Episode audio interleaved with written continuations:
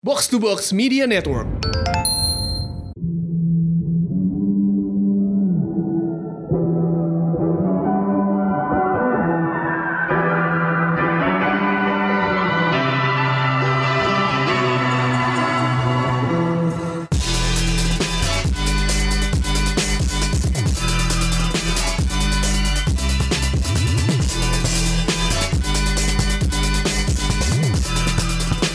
Showbox Podcast. Ada gue Lisa.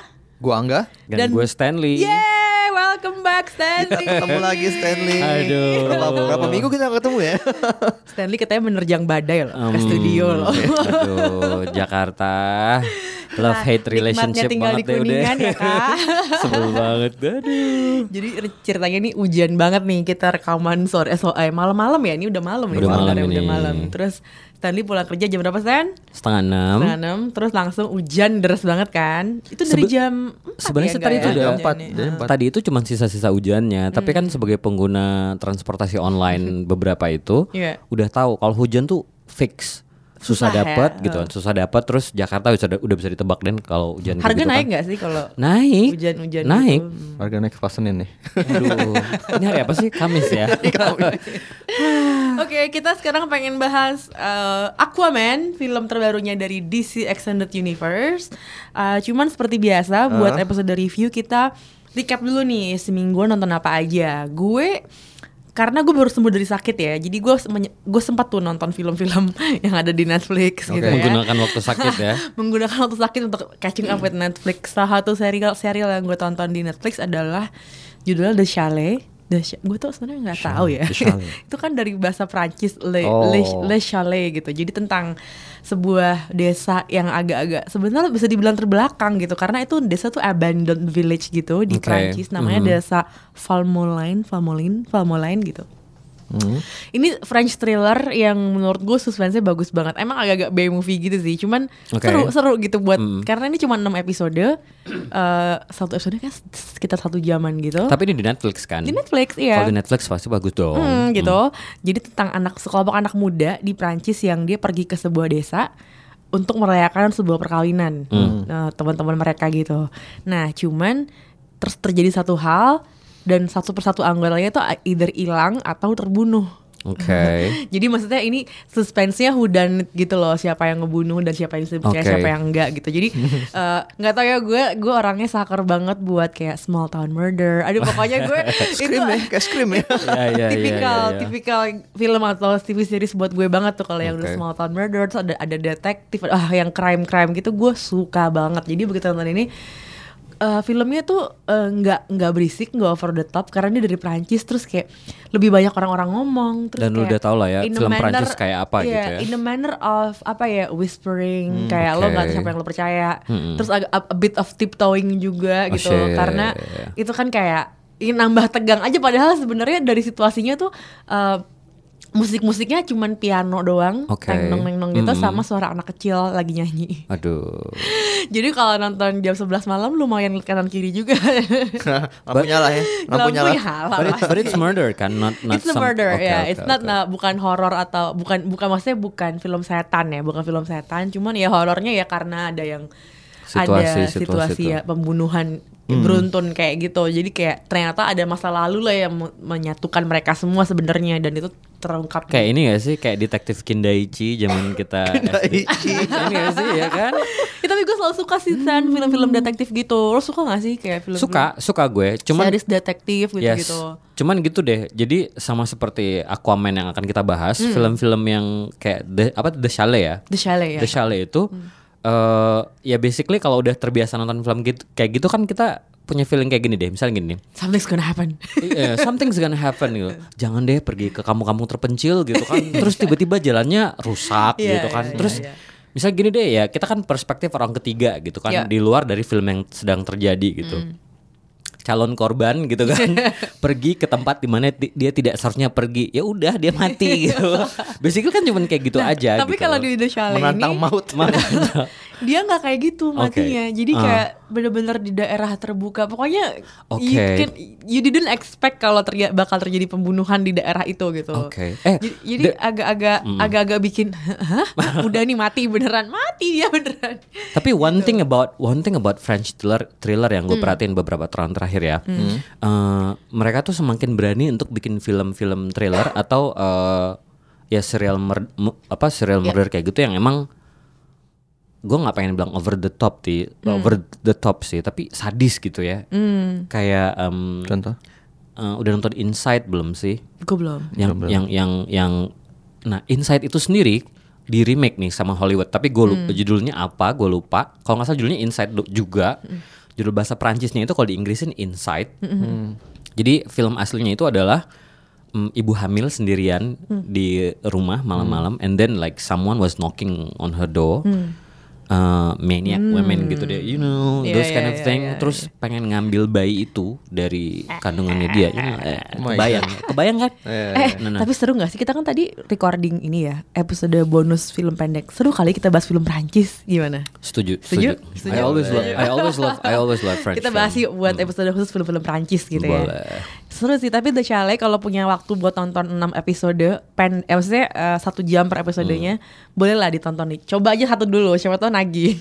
Jadi cuma 6 episode ya? 6 episode jadi kayak beneran abis setelah, setelah nonton ini gue langsung nonton dari awal lagi karena gue oh berarti gue udah tahu apa yang terjadi gue pengen tahu di mana gue missnya Oke, iya, gitu iya, iya. kayak gitu sih terus next gue juga nonton Widows siapa yang nonton Widows Saya tujuh tangan. Mantap.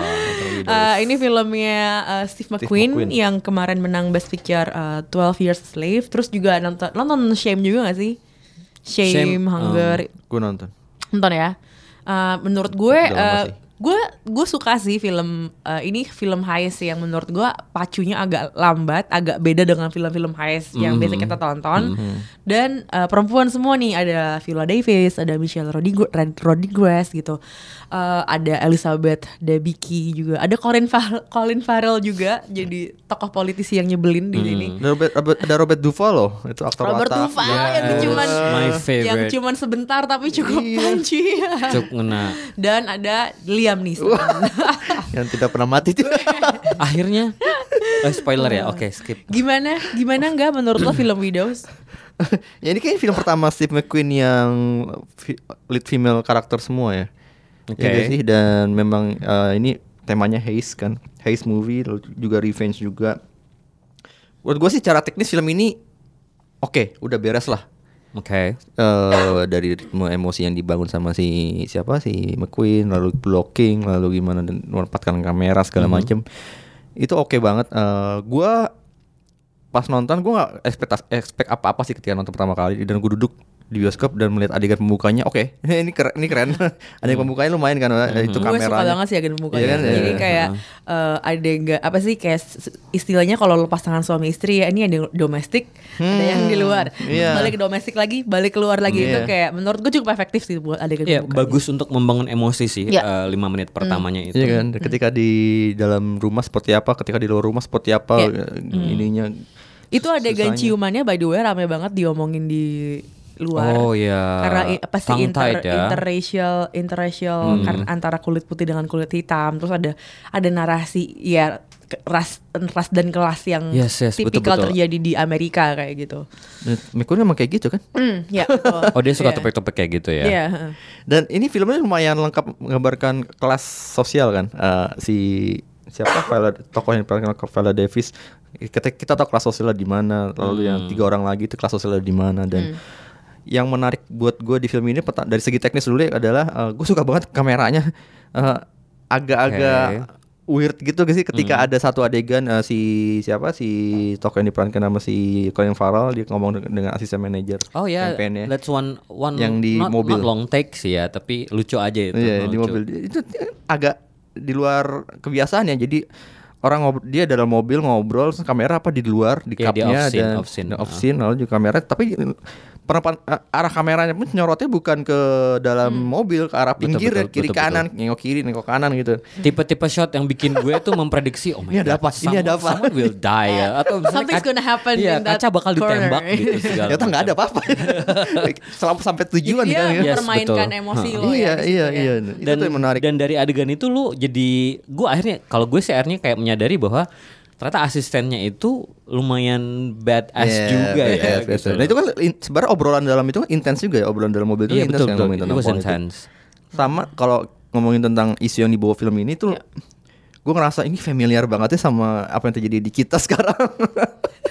Gimana Kalau tuh? Gimana tuh maksudnya? Ya ini kan ngomongin politik. Ya ini kan sebenarnya satu si Elaborate please. Jadi si eh, apa namanya si ini sebenarnya ada ada persaingan politik juga antara dua calon kandidat eh, perwakilan di kota itu si yang diperankan Colin Farrell dan si Jason Manning ini. Ah ya, Jamal Manning yang diperankan oleh si Brian Terry Henry. Nah, eh, dua-duanya bersaing jadi punya jadi inilah jadi politisi yang eh, punya wakil eh jadi wakil di kota itu dan satu yang satu itu si Colin Farrell ini dia adalah wakil dari repres bisa dibilang representasi dari politik din- dinasti. Oh, Ya, oke. ya kan? Now I know where you're going. Now I know where you're going. Nah, sementara si Jamal Manning adalah uh, wakil dari orang yang memang jadi politisi tapi dia sendiri dari kalangan apa ya kriminal. Hmm. Dan film ini seperti kalau kita lihat secara uh, beberapa adegan juga ada adegan-adegan yang memperlihatkan kalau gimana uh, politik elektoral, politisasi agama lu bayangin dalam gereja itu Ah ada. iya, iya, iya. Lalu iya. juga ada Gue suka tadi sih sama pastornya Pak. Nah, iya. Cool Lu pilih mana? gitu. Ah, Sebentar ada, ada telepon nih. Terus, terus terus. ada juga politik dinasti tadi seperti gue bilang ada KKN nya juga ada ngomongin tentang oh kalau lu jadi wakil wakil kota ini bisa dapat komisi dari proyek-proyek oh, di Iya, iya, di, iya, di ini iya, Hmm. proyek-proyek uh, pembangunan gitu kan.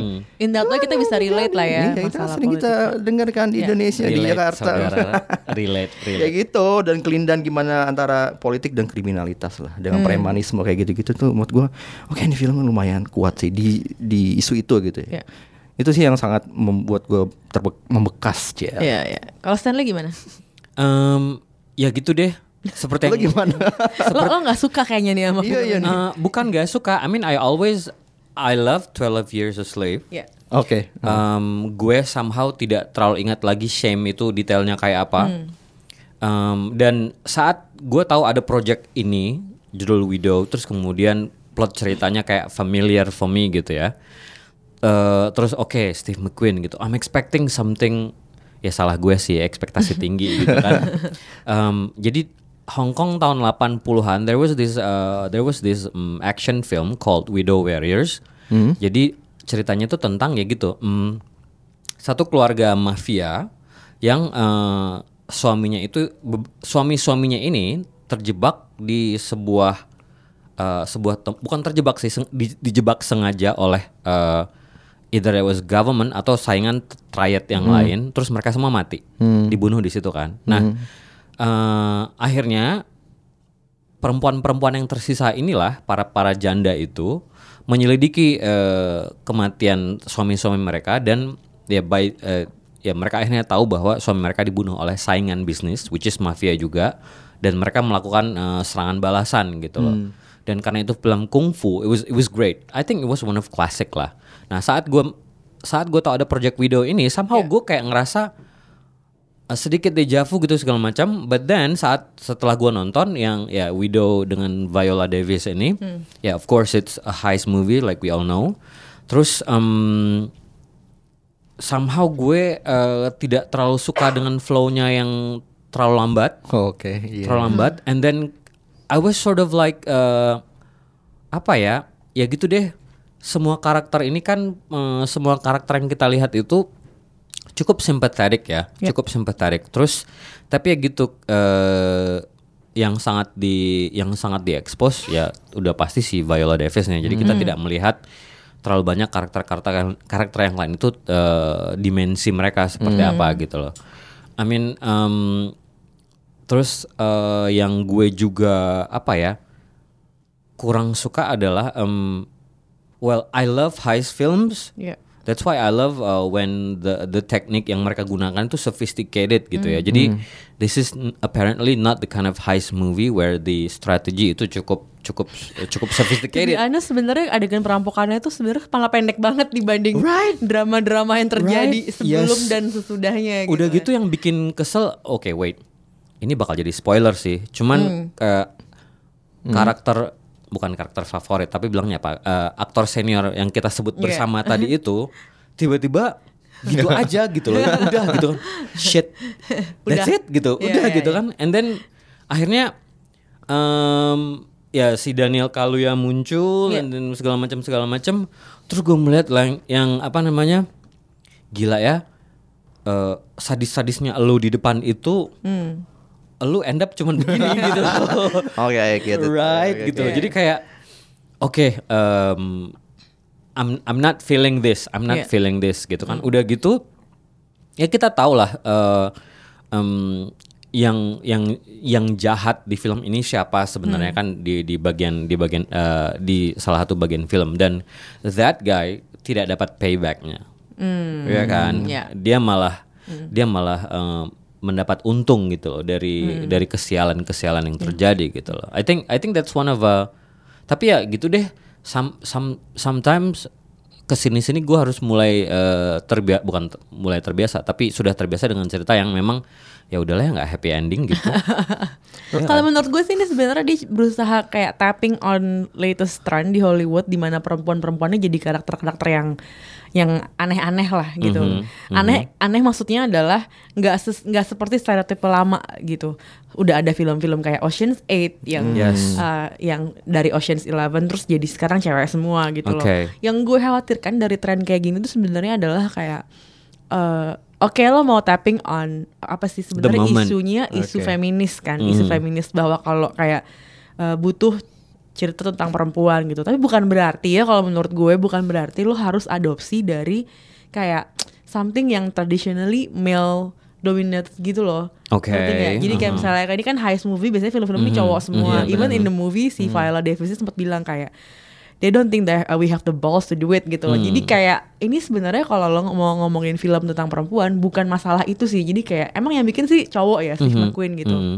Jadi gue nggak tahu apakah uh, maksudnya uh, what's his take on that gitu loh. Mhm. Cuma menurut gue sih harusnya uh, tren ini nggak nggak nggak sekedar tapping on film-film yang tadinya tradisional cowok Yeah. terus dibuat Hmm. versi ceweknya kayak Ghostbusters dibuat versi Hmm. ceweknya Oceans uh, Oceans Eleven dibuat versi ceweknya terus sekarang kayak film-film heist juga dibilang versi ceweknya maksudnya uh, that's not the point of Hmm, ngerti gak hmm, sih hmm. kayak the whole issue with feminism gitu loh Hmm. maksud gue harusnya karakter perempuannya ini bisa lebih berkembang yang lain Right. dan gak sekedar cuman Mm. tapping on genres kalau kayak kayak menurut gue sih Dan- kayak gitu itu yang gue khawatirkan ketika Dan gue seperti yang Lisa bilang tadi, eh, apa namanya, saat Viola Davis bilang bahwa eh, they don't they don't think that we have the Yeah. balls to do it, terus kemudian mereka bersiap-siap gitu kan, yang ya kan, eh, mulailah berpikir seperti laki-laki, if I'm not mistaken the sentence was like that gitu kan. Yeah. Oh, I was hoping something like, okay, this should be apa ya, oke,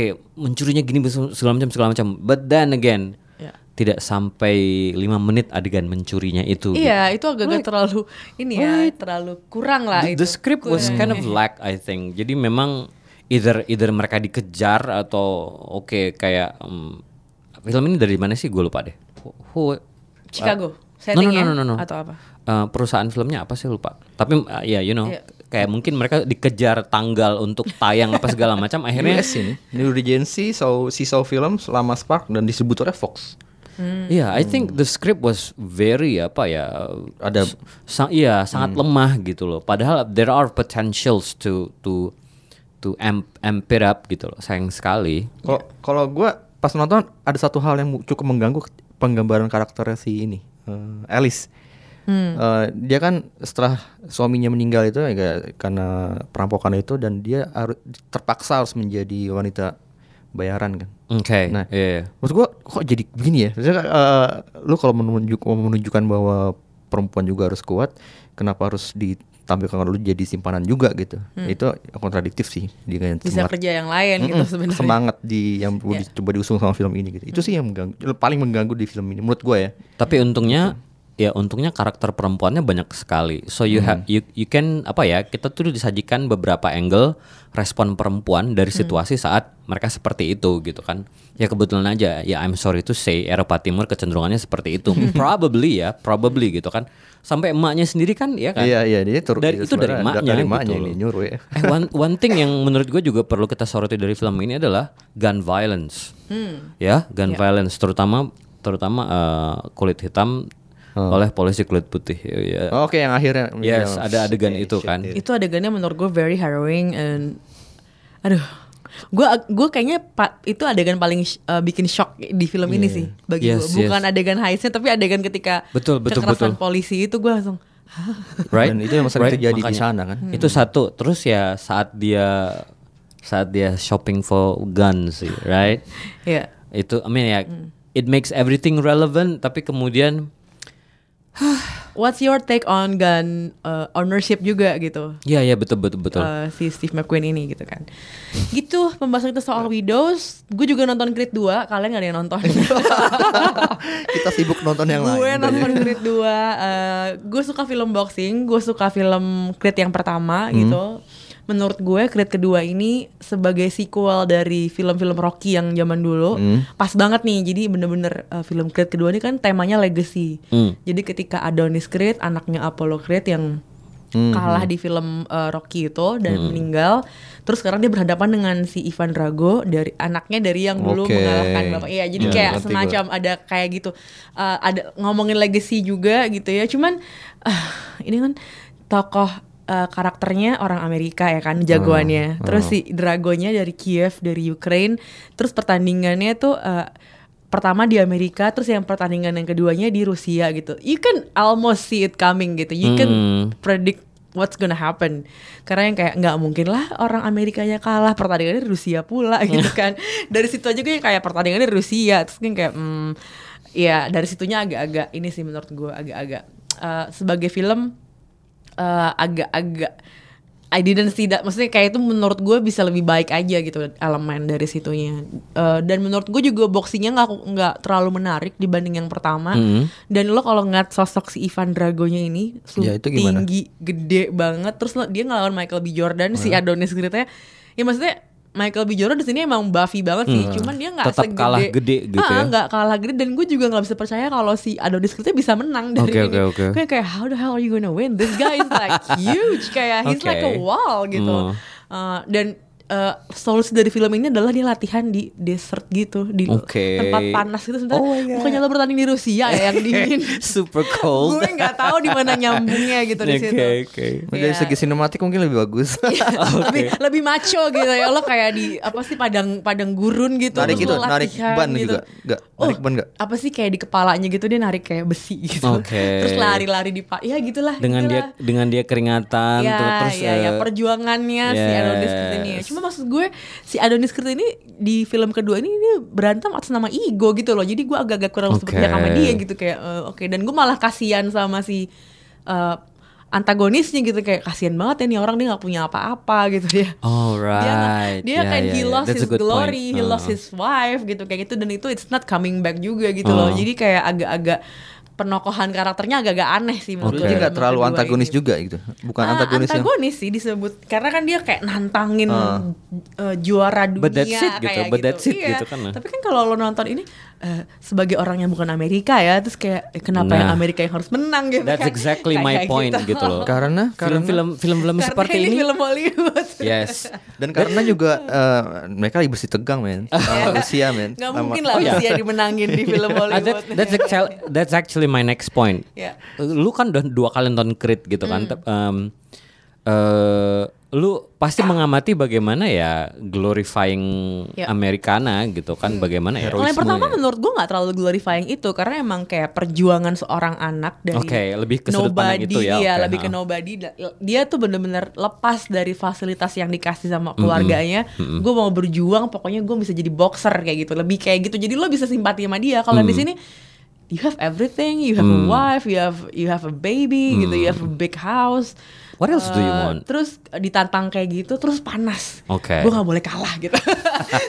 Orang Amerika. Iya iya iya Ya, iya. iya. Ada kayak gitu-gitunya sih. Jadi buat gua Trump untuk kalah sama Putin kayak gitu. Gitu sih gue udah nonton Creed 2 eh, Tapi kalau misalnya suka film boxing Ya boleh lah ditonton kalau iseng-iseng gitu ya mau nonton film gue gak nonton yang pertama sih jadi gue pengen nonton yang pertama Nonton dulu lah, bagus bagus bagus Uh, actually I I love Rocky. Jadi ya Rocky gue nonton semua tuh Iya kan? Eh, Rocky Apalagi kalau nonton semuanya Jadi lu tuh udah sebenarnya udah punya modal buat Iya, nonton iya, Creed iya. 2 mungkin lo nggak harus yang pertama juga gitu loh. Lo nonton yang kedua langsung, lo bisa langsung tahu karena ini konfliknya terjadi di film Rocky yang dulu-dulu gitu. Hmm. Jadi nggak nyambung yang Creed Mm-mm. pertama. Enggak, sebenarnya dia bukan sequel Creed yang pertama menurut gue. Cerita ini sequelnya ya. Rocky keempat. Oke. Kayak gitu Karena tadi anaknya itu. Ah, Oke oke oke. Eh suddenly I remember ac- I actually watch um, tidak tidak selesai sih gitu kan cuman quite shocking. Jadi I watch HBO Asia. Oke. Terus uh, you know The Bridge, serial The Bridge yang si eh, siapa? Eh, aktris Jerman itu Diane Kruger. Oh Dan Kruger, oke. Nah, it was a series, right? Nah, ternyata di di remake sama HBO Asia, di remake sama HBO Asia dengan judul yang sama, The Bridge. Joko Anwar yang bikin? Bukan. Wait, bercanda bercanda. you might you might want to Google it now. Tapi yang main jadi lead aktornya adalah si bapak film HBO Asia maksud gue project-projectnya kebanyakan ke Joko Anwar Oke. gitu loh juga. Bang Jok. Nah, that's the point that you should do. Pay attention. But it's okay. I mean, ya gitu maksudnya. Oh, um, Ya, it's quite it's quite weird for me mm, melihat sebuah serial yang yang katakanlah ya oke ya oke ya The Bridge yang Diane Kruger itu oke. But then di remake sama Asia udah gitu kayak Singapore ya, Singapore dan Malaysia gitu kan dengan uh, premis cerita yang mirip tapi ya um I don't know. I mean like man isn't this something that you shouldn't do gitu loh. You know? Iya iya iya. Kayak Maksudnya apa nih remake? Nggak boleh gitu? unnecessary, unnecessary gitu loh. Gue sih lebih murka berita tren tubusan diri mereka sama James Bond.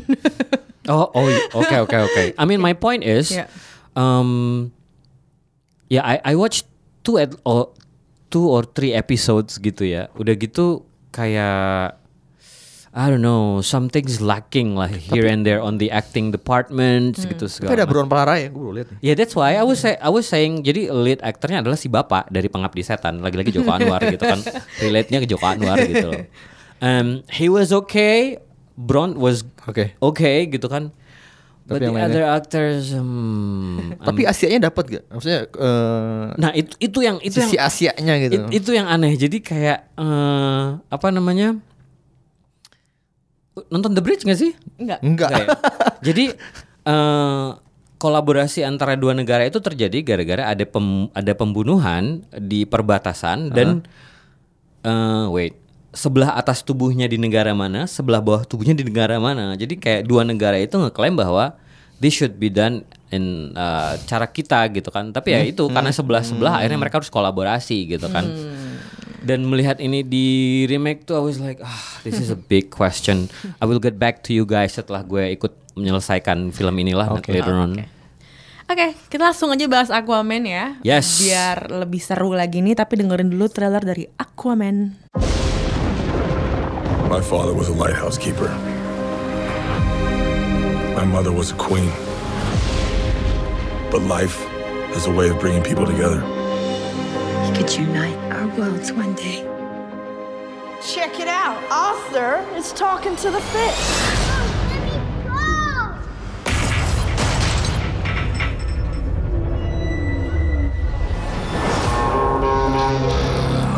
They made me what I am.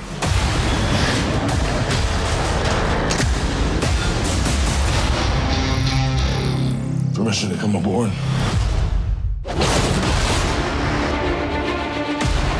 I've been looking for you. Your half brother, King Orm, is about to declare war upon the surface world. The only way to stop this war is for you to take your rightful place as king. Trust me, I am no king. You do your best thinking when you're not thinking at all. That was the worst pep talk ever. Might want to strap in.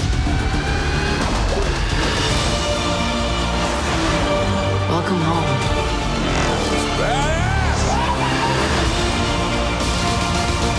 My brother has come from the surface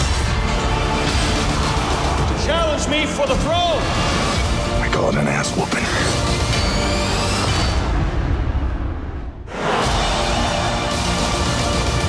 I have no leader. I came because I had no choice. I came to save my home and the people that I love. You think you're unworthy to lead because you're of two different worlds. But That is exactly why you are worthy. That was awesome. The war is coming to the surface. And I'm bringing the wrath of the seven seas with me.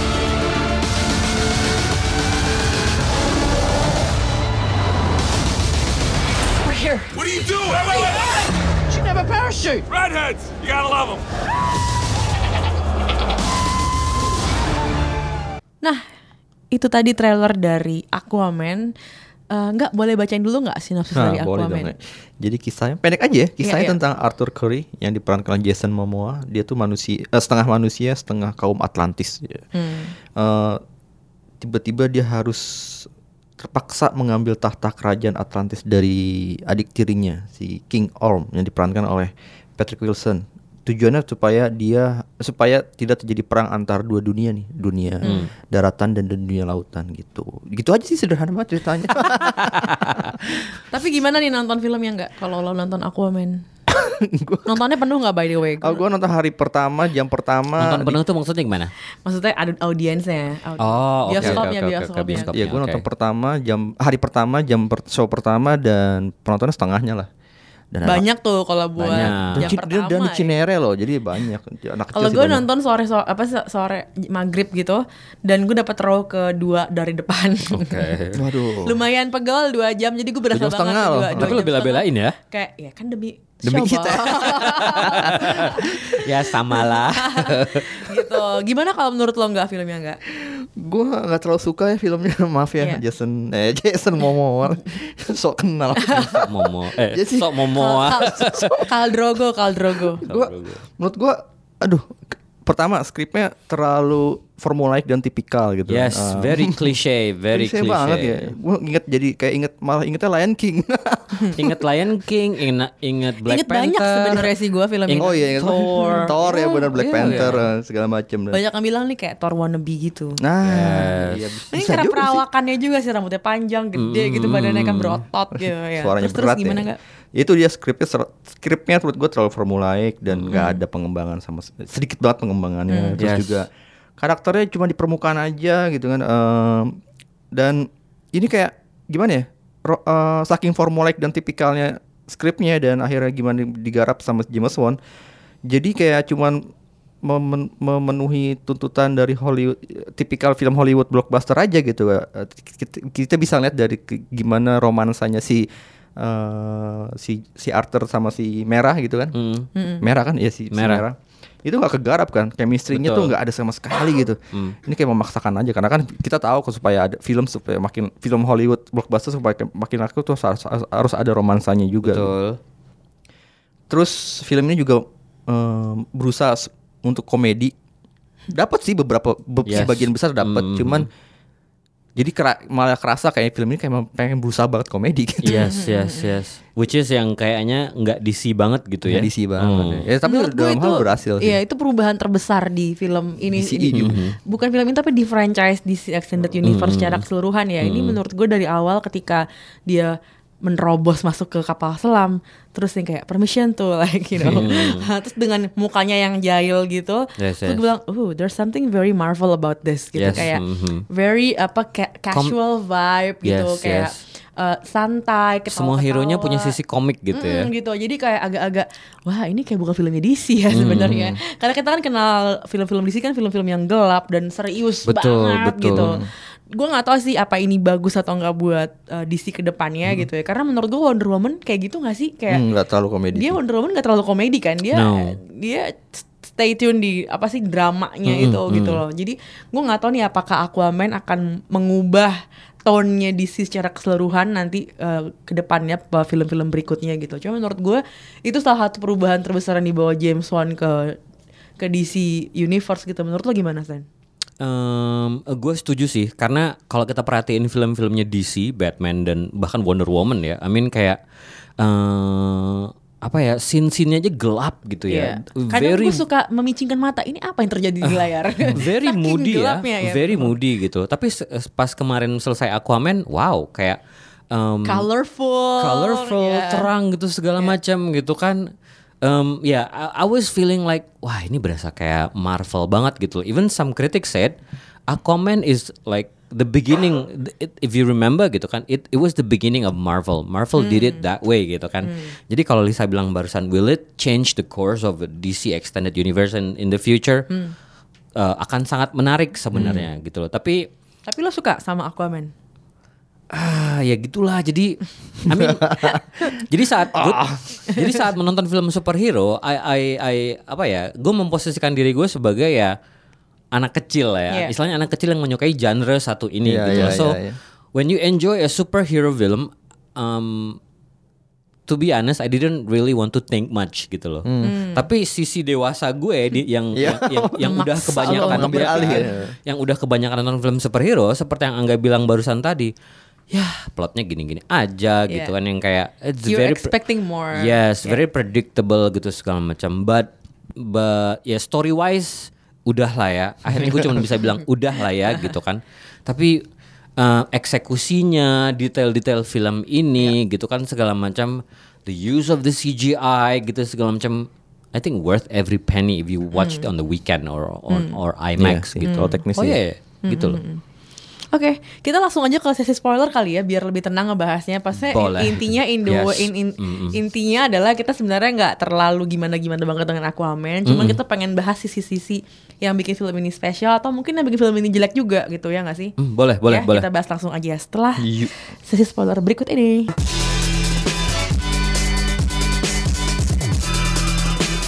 Sekarang kita bahas di sesi spoilernya nih. Kita mulai dari ini dulu kali ya, dari apa universe building ini gimana nih? James Wan mempersembahkan dunia bawah laut dengan segala apa sih kerajaan Atlantis, terus ada kayak kerajaan-kerajaan kecil yang dalam de- yang tampilan juga beda-beda gitu kan. Menurut gue menarik banget dan sebenarnya James Wan ini dia berusaha menghadirkan sesuatu yang beda gitu loh. Ini adalah DC yang yang sangat berwarna, yang penuh dengan warna-warni Yes. gitu kan. Terus ketika apa kayak am- sampai adegan perang yang de- yang itu tuh sampai gue kayak ini tuh kayak nonton film apa ya kayak nonton an- film-film perang superhero gitu tapi di bawah laut gitu loh. Gim- Jadi itu lumayan sensasi yang berbeda juga ketika lo ngeliat ikan-ikan jadi Yes. kayak kalau di dunia dunia darat kan paling kuda kan yang jadi alat Yes, eh, yes. buat Kuda. perang itu kuda atau enggak apa sih kayak binatang empat kaki lainnya ini tuh ikan terus ada Kuda laut. ada oktopus sama segala Yes. macam Hey, gitu. you that that trench people man, that trench people itu gitu. loh. serem banget ya trans itu people-nya. itu kan loh. itu piranha man itu piranha berkaki dan Iya, bertangan iya, iya. aja sih kalau menurut gue Iya. Menurut lo gimana Stan? Pembangunan apa sih kayak dunia yang dibangun di, bawah- di bawah air nih sama si James Wan? Oke, em, gue itu bukan bukan tak bukan paling takut sih ya, tapi dua dua transportasi yang gue nggak suka itu adalah pesawat dan kapal laut. Betul sekali, gue juga sama. Pesawat dan kapal laut, in Gua which sama banget, in iya, which you have no control over them gitu kan. Plus gue nggak bisa, bisa ber- berenang. Oh, bisa berenang. Gue baru mau nanya.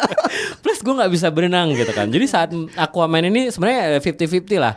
Oh ya, it was uh, very beautiful down there gitu segala macam. Tapi saat bagian you know yang mereka mereka mencari Trisula itu kan and have to encounter the trench people Trench segala macam. The ocean was so bad gitu kan. Gelap, The- berombang oh, ya. Shit man. Itu tunggu tuh tunggu. Ketika lo bilang bad sebenarnya bagus dong. Jadi lo jadi bisa merasakan ketakutannya itu. Yes sih, I mean like berasa ketakutannya itu. Did you uh, did you pay attention to the scene saat uh, si Mera sama si Arthur akhirnya melompat ke melompat ke bawah laut menghindari semua itu tuh cuman cuman bawa itu.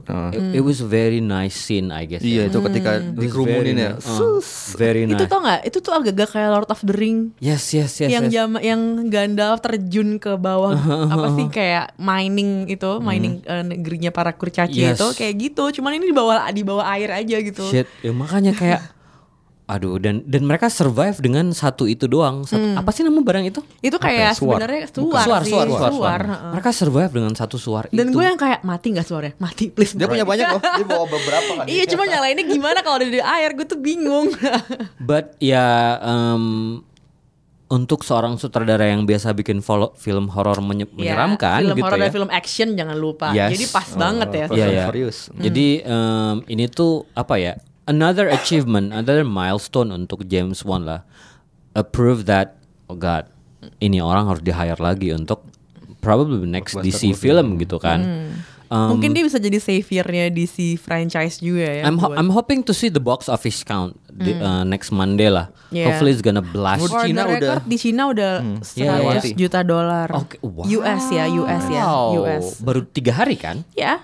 Oh my god, that's huge. Selama tiga hari itu 90 juta dolar Belum berapa buka gitu. di ini ya. Di Amerika belum, tayang Dia kan ini. se- Belum, belum, eh, belum. Bulan lalu, minggu lalu, minggu lalu, akhir Oh, minggu udah. lalu. Iya. Di Cina minggu lalu, Oh, akhir oke, minggu oke, lalu dan oke. eh, dapat 92 juta dolar berapa sekian. Nah. Sekarang udah 100 lebih. Hmm. Talking about the universe itself, ya, um, cakep ya, cakep gitu, detail dan segala macam. Walaupun ya itu lagi saat nonton film superhero, I didn't, I didn't really put my logic there. I mean like let, Ya, iya. yeah, you know like let super, Abandon all logic. yes, let superheroes film. Bagaimana dalam laut bisa ada ledakan api itu gimana? No, Ada yang lava-lava gitu juga. Hmm, yang lucu yang lucu juga tuh ini jadi saat raja pertamanya itu kan yang you know dengan Yeah. angkuhnya segala macam dan that alat itu meledak itu segala macam dan, dan ternyata ledakan itu membuat mereka bisa bernafas dalam air gitu kan it doesn't make sense gitu. Terus ada juga beberapa adegan yang tiba-tiba mereka nggak di dalam air, inget gak sih? Ada adegan tuh Oh, iya, di bawah, iya. tapi Dia- mereka tuh nggak di dalam Oke. air, jadi kayak di kayak di atas di atas bumi aja gitu. Terus kan kayak oke, ini gimana ya? Ini di mana? Oh, oh. Sempet kayak itu kan agak-agak- ya itu, Trisula. Oh itu tuh itu tuh sama seperti nah actually um, gue susah jelasinnya tapi di bawah di dasar laut itu memang ada beberapa tempat yang gua di mana ya air itu nggak ada di situ. You know ada ada ada tempat-tempat yang semisterius itu tuh sebenarnya gitu loh. Tapi yang tempat si Nicole Kidman which is yang cantik banget dan ternyata survive Yeah. gitu ya Ya.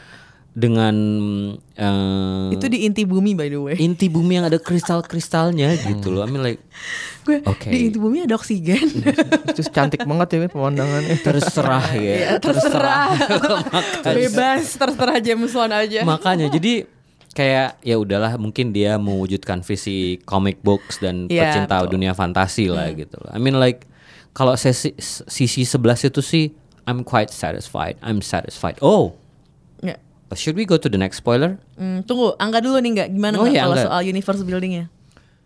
Oh kayak gue ngomongin dulu soal James Wan eh, gimana dia terbiasa bikin film horor kan dan thriller gitu kan. Eh, se- selain juga bikin film action Fast and Furious. Iya. Gue ketika nonton pertama kali nanti shot pem- adegan pembukanya ketika eh, lagi hujan deras tiba-tiba eh, apa jendela de- jauh jendela kebuka jedrek gitu kan. Wah ini, ini horror ini kayak Conjuring 2 nih. Yes. Terus adegan bener kata lo yang trench itu mereka harus mencari Trisula dan harus masuk ke dalam laut yang Itu sangat horor sebenarnya. Itu demonik men. Itu Iya demon- iya Demonik kan? banget kan. Itu Iya. itu itu memang dan kelihatan lah ciri khasnya si James Wan. pencaran suar itu memperlihatkan bahwa ada ratusan ribu kayaknya Iya, trench iya. mengelilingi mereka Mereka- gitu. Itu menurut gua memang ada, memang tet- tetap ada ciri khas dan kekuatan Hmm. James Wan ketika dia menghadirkan visualisasi dalam film-filmnya. Sama gua entah kenapa pas nonton film ini dan melihat adegan-adegan di bawah lautnya itu yang Hmm. colorful itu, gua langsung teringat project Avatarnya, duanya, sequel Avatarnya si James Cameron yang terbe- yang memang tertunda mundur-mundur mundur-mundur karena Ki- James Cameron sangat insist untuk syuting di bawah di bawah air beneran s- dengan mem- mem- memakai teknologi yang dipakai di Avatar pertama tapi karena itu ternyata banyak kesalahan akhirnya dia harus menciptakan teknologi baru untuk bikin film Avatar ini yang di bawah laut ini jadi kan makin lama nih produksinya Oke. gue jadi mikir gini di kalau di dalam film Aquaman oke They- bisa they can seindah do it. gitu They can do it way. seimajinatif itu Oh, iya. tapi Avatar 2 James Cameron berusaha untuk tetap make sense Ah, dengan ah, ah. membuat itu di bawah laut. Gue jadi mikir, ini berarti film Aquaman jadi lebih imajinatif aja gitu. Ah, Eh, secara visualisasi itu, karena emang buah buah imajinasinya si ah. James Wan dan Ah. makanya kita bisa lihat colorfulnya sedemikian Yes, luar biasa bagus itu gitu kan dan eh ya ini mungkin karena karena memang medium film ya dan eh, kita bisa gue sih tidak terlalu bermasalah dengan logika-logika yang di, tercederai Yes, gitu oke. logika logika logika alam yang tercederai dalam film ini. Karena itu m- masalah ini karena masalah ini film fiksi gitu. Selebihnya sih gue nggak ada ya seperti sepakat dengan Stanley sih eh, secara teknis secara visual sinematografi film ini bagus banget. Dan terutama satu lagi adalah gimana caranya si James Wan gue selalu concern dengan gerak kamera gerak Hmm, kamera di film ini canggih sih menurut gue walaupun itu pakai CGI udah pasti ya Yes, yes, betul, itu betul, betul. muter kan eh, ketika adegan si siapa si eh, Nicole Kidman si At- Atlana, Atlanta, Atlana, ya, ah, Queen, Atlana, Atlana, ini ah. harus Yang di ru- diserang di rumah ya? Oke, itu kamera It was muter, nice, it was ya. nice, ya, ya. Terus ketika di, di- eh, diserang sama Black Manta di di Itali itu kan Oh, iya, that was also nice. Itu juga itu pas CGI semua cuma itu mem- memperlihatkan gimana karakter eh, gimana si James Wan mi- menampilkan hal yang berbeda dalam segi visual gitu kan. Em, mengingatkan gue sedikit sama apa yang di, dibikin sama eh, Patty Jenkins di Wonder Woman sih. Oke. Cuman di, di film ini lebih el- elabor- Jadi- eh, lebih elaboratif aja kameranya gitu. Dan lebih halus Lebih ya. atraktif lebih juga halus. sih, lebih Hmm. atraktif menurut gue. Dan itu kayak dan berapa bulan lalu kan eh, si DC ini eh DC lagi siapa eh, Warner Bros ngeluarin trailer panjang yang cuman isinya cuman adegan ini doang kan adegan action kamera eh, dia Iya, di atas iya, hal iya, itu iya. kan itu Si gua pas, merah. Gue nggak pernah nonton trailer jadi gue nggak tahu. Oke. oh. Jadi pas si eh, si Warner Bros ngeluarin ini, gue langsung mikir, wah ini pede banget nih. Warner Bros ngeluarin trailer sepanjangnya 3 menitan lebih, Hmm. memperlihatkan adegan penting, adegan action ini dan kayak- Yes. itu berarti mereka pede dengan film ini gitu. Iya, iya. Dari segi Iya, dari betul. segi teknis, ya oke, film itu ini menjual itu banget. sinyal dari studio gede kalau mereka suka dengan filmnya mereka bisa promonya jor-joran Jor-joran, dari oke. bulan-bulan sebelumnya gitu. Oke, sih, film ini. Ya. Terus terus next eh, kalau ngomongin Jason Momoa gimana? Tapi ini Very- tepat sih menurut gue. Very hot. Casting yang tepat buat jadi Yes, Aquaman. betul betul. I, I love the Aquaman. casting. I love the casting. I love the casting. Recklessnya dapet gitu kan. Yes. Iya. Dan mungkin ke depannya pun kita akan terus melihat Aquaman sebagai pribadi yang seperti itu, Iya, yang komikal gitu kan dan segala macam. eh ya mungkin sih dia kalau di kalau di Marvel dia siapa ya? Tapi di Marvel itu everyone is funny I think ya, in certain degree gitu Yeah. kan. Sementara kalau di DC ini, aduh, somehow I think like mereka berusaha melucu benar ya. Iya, Berusaha melucu. agak-agak komedinya, komedinya. Cringy gitu. Soal lucu eh, ada satu adik gue pas nonton di bioskop kemarin eh, ada adegan ketika si siapa si si aku aku si Arthur sama si Merah kan harus kabur dari serang kabur dari Atlantis dan dia harus bertemu dengan ikan paus. Oh iya iya. Terus dia iya. bilang gini, "Ah, aku ah, kita mau ngapain nama ikan paus ini? Ya, Hmm. Seperti Pinocchio. seperti Itu yang Pinocchio. ketawa, yang ketawa gue doang loh. Itu gue kenapa ya? itu itu padahal lucu loh, lucu banget tuh. Nah. itu Cerdas lucu itu loh. itu lucu tapi itu tadi gue eh, gue tidak pernah ingat ada cerita Pinocchio yang seperti itu seriously Ada yang dia masuk ke dalam ada ya Ada dong, Pinocchio. Well, well, mungkin mungkin gue cuman ingat ya dia berbohong hidungnya panjang dia bohong aja. hidungnya panjang. Gue cuma ingat itu doang. Orang ingatnya dia bohong hidungnya Lalu lu panjang. inget ya, kisah. Nabi Yusuf. right gue lebih ke situ gitu loh gue lebih Kenapa ke jadi situ. ngomongin prophet ya kita ya? oh satu hal lagi I did I didn't um I'm not sure whether it happened Uh. tapi ada ada bagian ada bagian eh, apa ciuman Ya. adegan ciuman yang dipotong Eh, itu, Oh, iya. itu itu aduh Dan parah itu, betul itu parah. harus banget ya Itu parah banget potongannya, ya. Karena Uh-uh. bener-bener kerasa gitu loh potongan Yes. dan gue wonder Why emang separah gitu apa sih sampai harus That's dipotong. why langsung gue kayak, hmm, we should find out Apakah kita harus nonton di mana ya? makanya sementara pas kemudian ayahnya bertemu Nah, dengan itu- kan, itu oh, lancar. gitu loh Iya. berarti ini supposed to be ciuman yang hot banget ya Iya. untuk penonton 13 tahun gitu di- loh Nah, itu mah harus Yes, pertimbangan LS suka gitu. aneh sih emang ketika mau motong sebuah adegan dan itu kelihatannya kerasa banget ya Gak dipotongnya. bagus. Oh, another one thing eh, kemarin itu pas gua nonton entah kenapa. Jadi tiap tiap beberapa frame Ya. itu screen gue tuh goyang. Jadi kayak I'm like nggak Itu puas. kayaknya faktor bioskopnya sih. Kayak gitu gue gak ngerasa Is goyang sih. thing? Gue gak ngerasa Jadi goyang sih. em, frame-nya frame-nya bergoyang Hmm. terus kemudian eh, ya udahlah sub subtitlenya pun jadi kabur gitu segala macam. Oh, itu biasanya masalah teknis di bioskopnya itu. right. Gue Iya, iya. ya I mean that's one Boleh of the reason. refund kayaknya Stan kalau kayak Ya, gitu. That's one of the reason gue akan kembali lagi nonton Aquaman lah Mungkin ya. kita harus nonton di ini apa? IMAX, gue pengen nonton IMAX. 4DX katanya sampai dikasih jas hujan. Oh ya? Oke oke. Karena kan banyak iya bener juga ya. Karena kan ini di dalam laut ceritanya. Oke oke oke. Oh, that's, Gue that's Banyak gua angin saw juga. pictures apa apa going around Sesi Twitter kalau ada oke, yang oke. ngasih. Hati-hati Lis, lu 4DX batuk lagi lu Lis. Belum 4DX, sembuh ya. nih batuk gue ya kan. Oh ini apa namanya another spoiler that I also like. Ya. Itu loh makhluk makhluk terakhir yang dinaikin dia. Hmm. Did, did you guys know what what are those? Yang mana ya? Yang gede banget itu kan Oh, yang dia- itu kan yang pas di ngejagain- Trisula bukan sih? Yang Yang jaga ngejagain Trisula. Trisula, ya ya. oh ya. bukan, it's it's Eh, yang different. It's different creature. Oh gitu ya? Heeh. Good um, itulah gue eh, belum sempat eh, belum sempat mencari tahu lagi itu makhluk apa. Me- Pasti udah ada sih bocorannya gitu Ya. segala macam. Tapi somehow itu tuh kayak em, kraken. Oh, Ingat nggak? Iya, iya, Kraken. iya, iya. You might wanna Google that. Aquaman Kraken. Bener nggak itu makhluk Kraken? Jadi kan em, ada ada filmnya siapa yang main Avatar itu? Dia main jadi Poseidon, anaknya Poseidon ya? eh main Avatar. Heeh. Yang main jadi yang main Avatar. Siapa nama aktor itu? Aktor Australia itu? Gak lupa. Udah pada lupa ya. Iya, kan dia sempat main film Dewa-dewa yang dia jadi anaknya Poseidon. Hmm. Nah, kan dia di film pertamanya itu dia harus eh, menaklukkan kraken itu.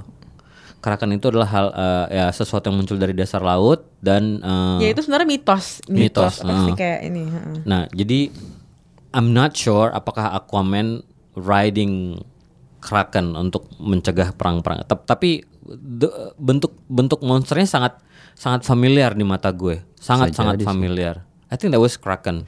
Menurut gue desain monster-monster bukan monster ya, tapi kayak binatang-binatang Creature eh, bagus ya. makhluk-makhluk yang ada di Aquaman bagus ya. Bagus kok. Kayak Heeh. Cukup, terlihat berbeda dan cukup Yes. refreshing ketika lo ngeliat oh oke bisa jadi ikan bisa jadi kayak begini terus yang lain-lainnya bisa beda bisa berubah-berubah Hmm. And gitu. details, Ya. details. Yang waktu si siapa Trench pet- eh, pertama kali tampil di Hmm. perahu itu gue nggak nyangka sama sekali loh kalau itu ade- adegannya bakal kayak gitu. Mhm. Karena gue nyangkanya pasti semuanya ya di bawah laut aja gitu nggak ada yang sampai naik Ternyata naik semua. perahu-perahu gitu itu kan ngeri banget ya. Crazy. Sampai naik-naik Setuju nggak sih gitu. kalau kalian bilang itu mirip piranha?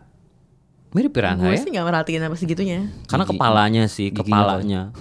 udah udah per- udah pernah lihat piranha seperti apa? Iya udah. Ya, I mean like those are the heads gitu. Oke.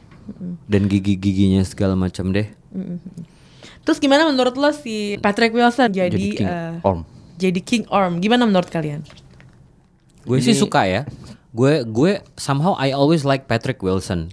Bawaannya James Bond ini. Ya, agak agak nepotis. Udah ada di Conjuring, gue bawa aja ke Aquaman ya. agak nepotism but I'm fine because I like this guy karena dia sebenarnya salah satu aktor di awal 2000-an yang film-film dia di zaman itu tuh sebenarnya cukup bagus but somehow and then somehow dia tuh kemudian kayak either lost his touch atau his agent tuh kayak nggak mampu ngasih kerjaan yang bagus gitu loh.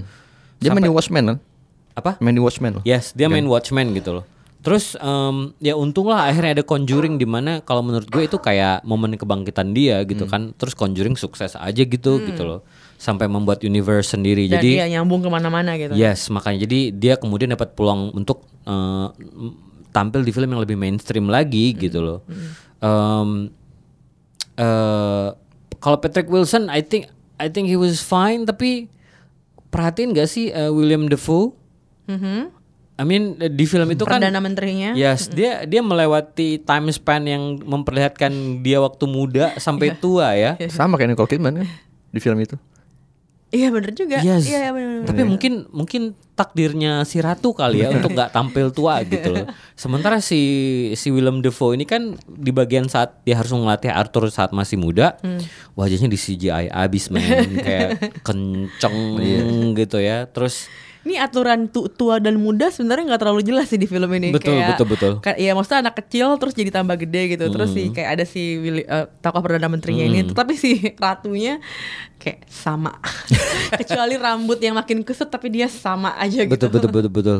Well, um, to be honest, I'm quite happy with the ending karena kayak eh, oke lah. hmm, tidak ada yang benar-benar mati ya di film ini, ya kan? Tidak ada yang benar-benar mati ya di film ini. Enggak ada. Iya. ya kan terus kayak ya it, it gives it gives uh, potential apa ya wider interpretation bahwa Ada sih yang mati yang dari kerajaan mana gitu tuh yang bentuknya kayak ikan duyung itu. Oh, Yang si Ra- dibunuh si Patrick rajanya. Si, ra- ya, si ra- rajanya. si raja itu Hmm, tapi, tapi ya main characters Iya, kita kan main survive semua iya, gitu iya, loh iya. well I- itulah kayak mungkin DC Hmm. nggak mau Terlalu dark. terlalu dark karena kan Wonder Woman cukup dark ya Iya, iya, iya. Iya. si Dengan akhirnya Trevor seperti dan itu. segala macam Menurut lo gimana nggak endingnya? Gue concern di karakter di sebelum masuk ending. Iya. Karakternya itu menurut gue kayak tadi seperti gue bilang karena backbone itu skripnya lemah gitu kan, Mhm. eh, formulaik dan sangat lemah. Jadi mengaruh ke karakter-karakternya tidak tergarap dengan baik kan, kecuali mungkin si, si, si Arthurnya sendiri si Jason Momoa sendiri. Kayak Arthur, eh, kayak karakter si Mera dan eh, karakter kakaknya, eh adiknya si adik ad- adiknya si Arthur si King Orm itu sendiri. Sama gue saking lemahnya penulisan karakter di ka- skrip ini gitu, gue udah bisa nebak ibunya itu masih hidup. Oh, oke. Gue pas nonton "Hmm, ini pasti ibunya masih hidup karena nggak dijelaskan secara, cara karena emang di awal eh, memang gimana ya penceritaan si kakak eh, si adiknya penceritaan gimana ternyata si ibunya itu harus menghadapi hukuman dari keraja dan suaminya itu ya menurut gue itu hal yang masih blur aja gitu. Nah akhirnya ketika dia harus kita bisa ngeliat kalau si ratu ini masih hidup ya itu menurut gue gak mengagetkan Hmm. sama juga eh gue concern bukan concern gue baru memperhatikan di film ini gara-gara nonton film Aquaman gue memperhatikan kalau kenapa ya film-filmnya si DCEU ini di si extended universe ini kalau menunjuk kalau dia memperlihatkan tubuh laki-laki itu sangat maskulin banget Oke. gue perhatiin deh oh, gede banget kan. Oh, ya ya ya Terus ya ya ya. ketika dia memakai kostumnya sendiri pun yang latex bener Makin latex, gitu itu ya. Oh. makin makin itu makin makin kokoh keker gitu ban kalau bandingin dengan film-film Marvel nggak seperti itu kan Betul betul. Mereka lebih berusaha membuat semuanya lebih relevan aja iya gitu ya. dan dan gue jadi mikir ini apa cara pikirnya agak mm, konvensional kalau atau gimana gitu Eh, dan apa ya eh, ketika akhirnya karena skripnya sendiri saking apa saking formulaiknya Hmm. gua terganggu di akhir ketika udah ad, udah selesai film Hmm. tentunya sebelum ada mid script mid uh, scene itu Hmm. Gimana si Arthur memonologkan bahwa dia adalah Aquaman Oke. itu nggak perlu sih menurut gua Eh, itu Oke. sangat itu kayak kacangan. spider itu kayak Spider-Man ya. kita tahu lu. Aquaman lu buat apa di kayak gitu Aquaman Oke, oke, itu oke, kacangan banget sih Dan itu nggak kayaknya baru kali ini gua nonton film DCU dan film superhero yang Menjelaskan. gua adalah Aquaman. Superman itu gua adalah kayak gitu gak sih di komiknya? I'm wondering itu cuman apa apa semacam tribute, Tribute. buat emang komiknya kan suka kayak komik tuh suka Yes, kayak gitu yes, kan yes. lebih kayak Ha, ha. butuh apa sih adegan yang terlihat heroik jadi dia harus kayak I am Aquaman atau kayak kayak I am Batman kayak ngerti gak sih kayak uh, ada adegan-adegan yang juga sih. So, memproklamirkan think so. identitas superhero-nya gitu loh karena kan emang ya kan ini komik gitu kan Hmm. kayaknya kalau menurut gue lebih kayak gitu sih cuman emang gue setuju ketika di taruh di live feature jadinya agak eh, Iya. Ya kan? we know Agak-agak cringy gitu Iya, ya. Tapi ini gue gue belum googling lagi, cuman belum riset lagi. Eh, ini sebenarnya kisah Aquaman ini sendiri terjadi sebelum Justice League atau sesudah Justice League sih? Menurut kalian gimana? Kalau emang Kalau lihat kalau lihat universe-nya ya. Eh sebelum sih. Sebelum ya? Sebelum. ini nggak- nggak- ini nggak di- nggak ada ini ya, nggak ada clue-cluenya gitu ya kalau Iya. ini terjadi. Kalau Marvel kan ada garisnya gitu. Iya betul betul. Ada Pasti ada benang merahnya. Benang merahnya. Kalau ini kan nggak ada sama sekali gitu. benar-benar dipisahin. Gue kalau gue nebaknya malah ini setelah setelah Justice League. Karena di, Hmm. di Justice League kan sebenarnya nggak ada belum disebut kalau si eh, Arthur itu adalah raja Atlantis gitu. Ah, I see. Jadi dia belum belum ah, belum claiming back his throne ya sebenarnya. Mm, mm, mm. Tapi Oke. udah dikenal kalau pas adegan pertama kali dia menyelamatkan Hmm. eh, apa namanya si submarin Ah. dari Rusia itu. Aquaman. Itu disebut wah Aquaman gitu. Tahu semua orang gitu. Oke oke. Oh berarti oh iya iya. That Tapi gue ini jadi catatan gue kalau kalau kita ngebahas tentang film-film universe superhero universe kalau bandingin antara dengan Marvel memang pengembangan cerita dalam film-film DC ini emang lemah banget sih Hmm. bahkan sampai menarik garis waktu antara satu film ke film lain sendiri iya. eh, mereka nggak jelas gitu jadi nggak juntrungannya mau ke mana ke arahnya gue nggak tahu planningnya nggak ada boleh ngomongin Easter egg sih kalau udah ngomongin timeline gue ya. nonton lagi Easter egg keburu pengen Eh, eh, pulang eh. keburu pengen keburu keluar karena pengen pipis Kalau kalau gue sih cuman kalau gue sih cuman menemukan satu ya di bagian depan film kalau misalnya nonton dari dari awal Hmm. itu ada boneka Annabelle. Mm-mm. Ada lihat nggak di bagian di dasar laut? nggak gue nggak lihat I missed that Yes, jadi di mananya Eh, Jadi ada satu adegan, pokoknya di di awal banget film, you, you should not miss the first five minutes.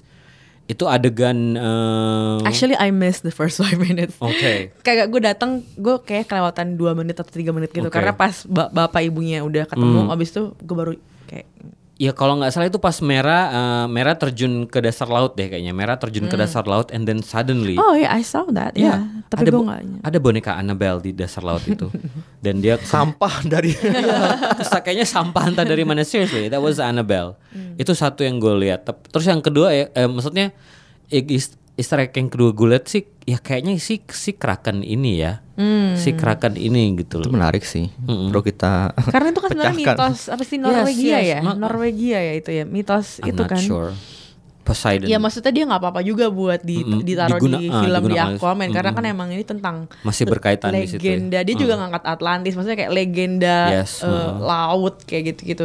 Menarik juga sih. Dan sebenarnya. dis- kalau desain monsternya nggak terlalu berbeda ya, ya I mean like keuntungannya gue keuntungan juga buat si Hmm. DC ya kayak oh udah jelas nih si krakennya seperti apa gitu loh.